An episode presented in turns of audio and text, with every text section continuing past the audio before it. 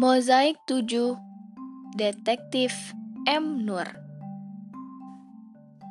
Di pasar, orang-orang mengerumuni seorang pemburu yang tampak sangat bangga pada seekor burung punai di dalam kandang rotan di boncengan sepedanya.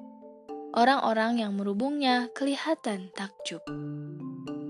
Memiliki burung punai adalah hal yang sangat biasa bagi kami.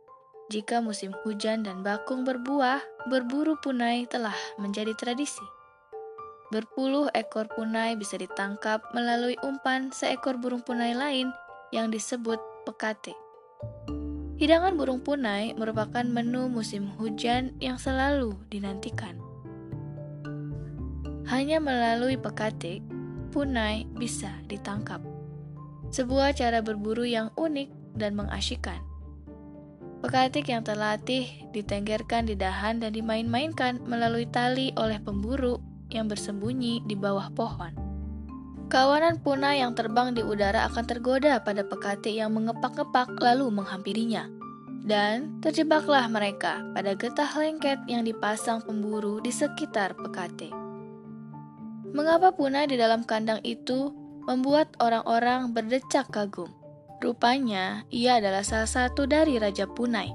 Sang pemburu dianggap sangat hebat, sekaligus beruntung berhasil menangkapnya. Jika sang raja dijadikan pekate, ia mampu menarik kawanan besar yang berjumlah ribuan punai. Kulihat punai itu, tubuhnya lebih besar dari punai biasa. Matanya hitam dan tajam. Paruhnya seperti mata panah. Bulunya hijau berkilat-kilat. Kakinya seperti kaki Raja Wali Kuku-kukunya laksana besi. Ia gagah, menantang, dan tak takut. Burung itu memang berkarisma seorang raja.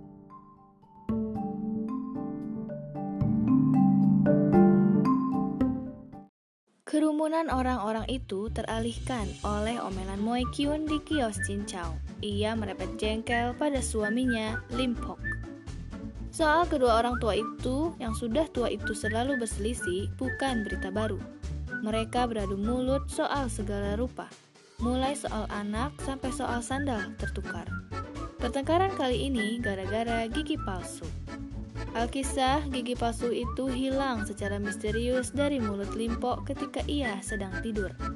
Keributan meletup lantaran secara sembrono Limpo menuduh istrinya sendiri Moi Kyun yang telah mencuri gigi palsu itu dari mulutnya sebagai bagian dari perbuatan istrinya yang bertahun-tahun selalu menyabotasinya. Bagaimana gigi pahu bisa hilang dari mulut ngai? Hayya.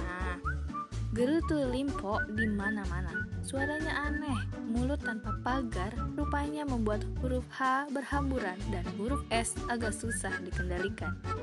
Moe Kyun tak terima, namun sulit membela diri. Tak ada orang, kejadian, dan tempat lain yang dapat dijadikan alibi. Didamaikan oleh ketua RT, Limpo tak sudi. Ia ngotot, istrinya mencongkel gigi palsunya ketika ia sedang terlelap. Menurutnya, istrinya sengaja menambahkan sesuatu pada makanannya sehingga ia tidur seperti orang mati.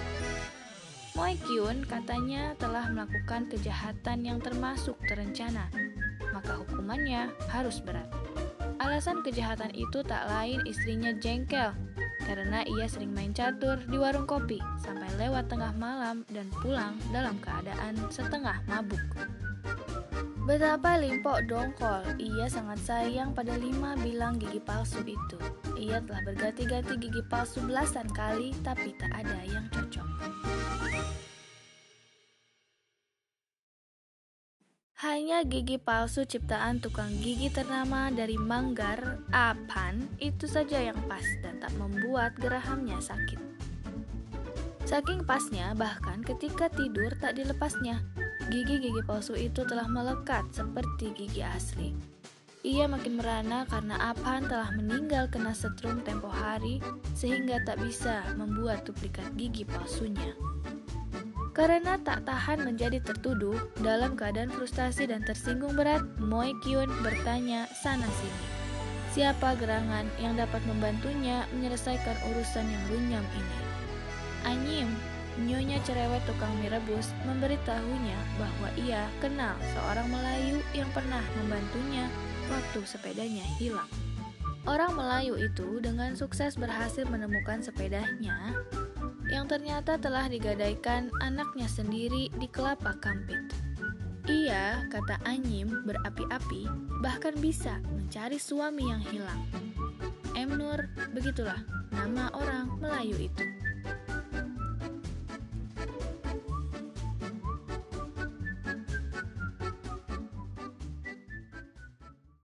Mari Kuceritakan sedikit soal Ihsanul Maimun bin Nurdin Mustamin padamu kawan. Ia seumur denganku dan adalah tetanggaku. Badannya kecil, maka bolehlah ia disebut kontet. Kulitnya gelap, rambutnya keriting kecil-kecil. Alisnya hanya satu setengah, Maksudnya, setengah alis mata kirinya tak ada sebab terbakar ketika ia meniup karbit yang menyala di dalam meriam bambu. Sisa alis itu hanya berupa bulu yang remang-remang. Kurasa semua itu akibat kualat pada guru ngaji di masjid. Namun alis satunya lebat sekali, rahangnya seperti manusia Neanderthal. Matanya sudah mata manusia modern, meski agak juling. Namun, mata itu seperti mata anak kecil, jenaka sekali dan selalu berbinar. Waktu kelas 3 SD, ia tidak naik kelas karena pernah terjatuh dari pohon nangka. Kalau kami naik pohon, ia memang suka sesumbar, paling berani naik ke dahan tertinggi. Tubuhnya berdebam ke tanah, seperti nangka disambar petir. Karena ia tak bisa sekolah beberapa lama, setelah sembuh, ia sekolah lagi. Tapi ia menjadi pelupa dan sering mendengus-dengus seperti kambing bersin. Mata pelajaran berhitung harus diulang lagi, seperti ia baru masuk kelas 1. Merah di rapornya yang biasanya tiga menjadi lima. Alhasil tiga tahun berturut-turut ia tak naik kelas. Ia bosan, guru-gurunya bosan, orang tuanya bosan, Menteri Pendidikan bosan, ia berhenti sekolah. Yang ku tahu selanjutnya, sepulangku dari pengembaraan di negeri-negeri antah berantah, ia telah menjelma menjadi M. Nur, seorang detektif swasta. Pembawaannya yang ramah dan humoris membuatnya amat populer. Ia pun melakukan penyelidikan atas kasus rumit yang menimpa Moe Kyun, Bagaimana gigi palsu secara misterius tahu-tahu raib dari dalam mulut seseorang memang bukan perkara remeh. Keadaan bertambah rumit lantaran Anyim yang bawel itu merepet sana-sini. Seisi pasar tahu kejadian itu dan makin senang menggunjingnya. Detektif M. Nur bekerja di bawah tekanan dan merasa bertanggung jawab moral pada kliennya Moe Kyun yang kian terpojok sampai tak berani ke pasar. Jika detektif M. Nur masuk ke warung kopi, semua orang bertanya dengan nada mengejek soal kemajuan penyelidikannya, lalu mereka terbahak-bahak. Namun tadinya nah, dari tawa itulah justru detektif mendapat inspirasi yang akan memecahkan kasus super sulit itu. Esoknya, detektif mendatangi seorang pemburu pelanduk dan meminta anjingnya menciumi seperangkat gigi palsu yang ia pinjam dari tukang gigi. Anjing pemburu pelanduk sangat hebat dalam mencium jejak. Aku bingung. Kutanyakan padanya apa yang ia lakukan. Pakai anjing segala? Tengok saja nanti, boy.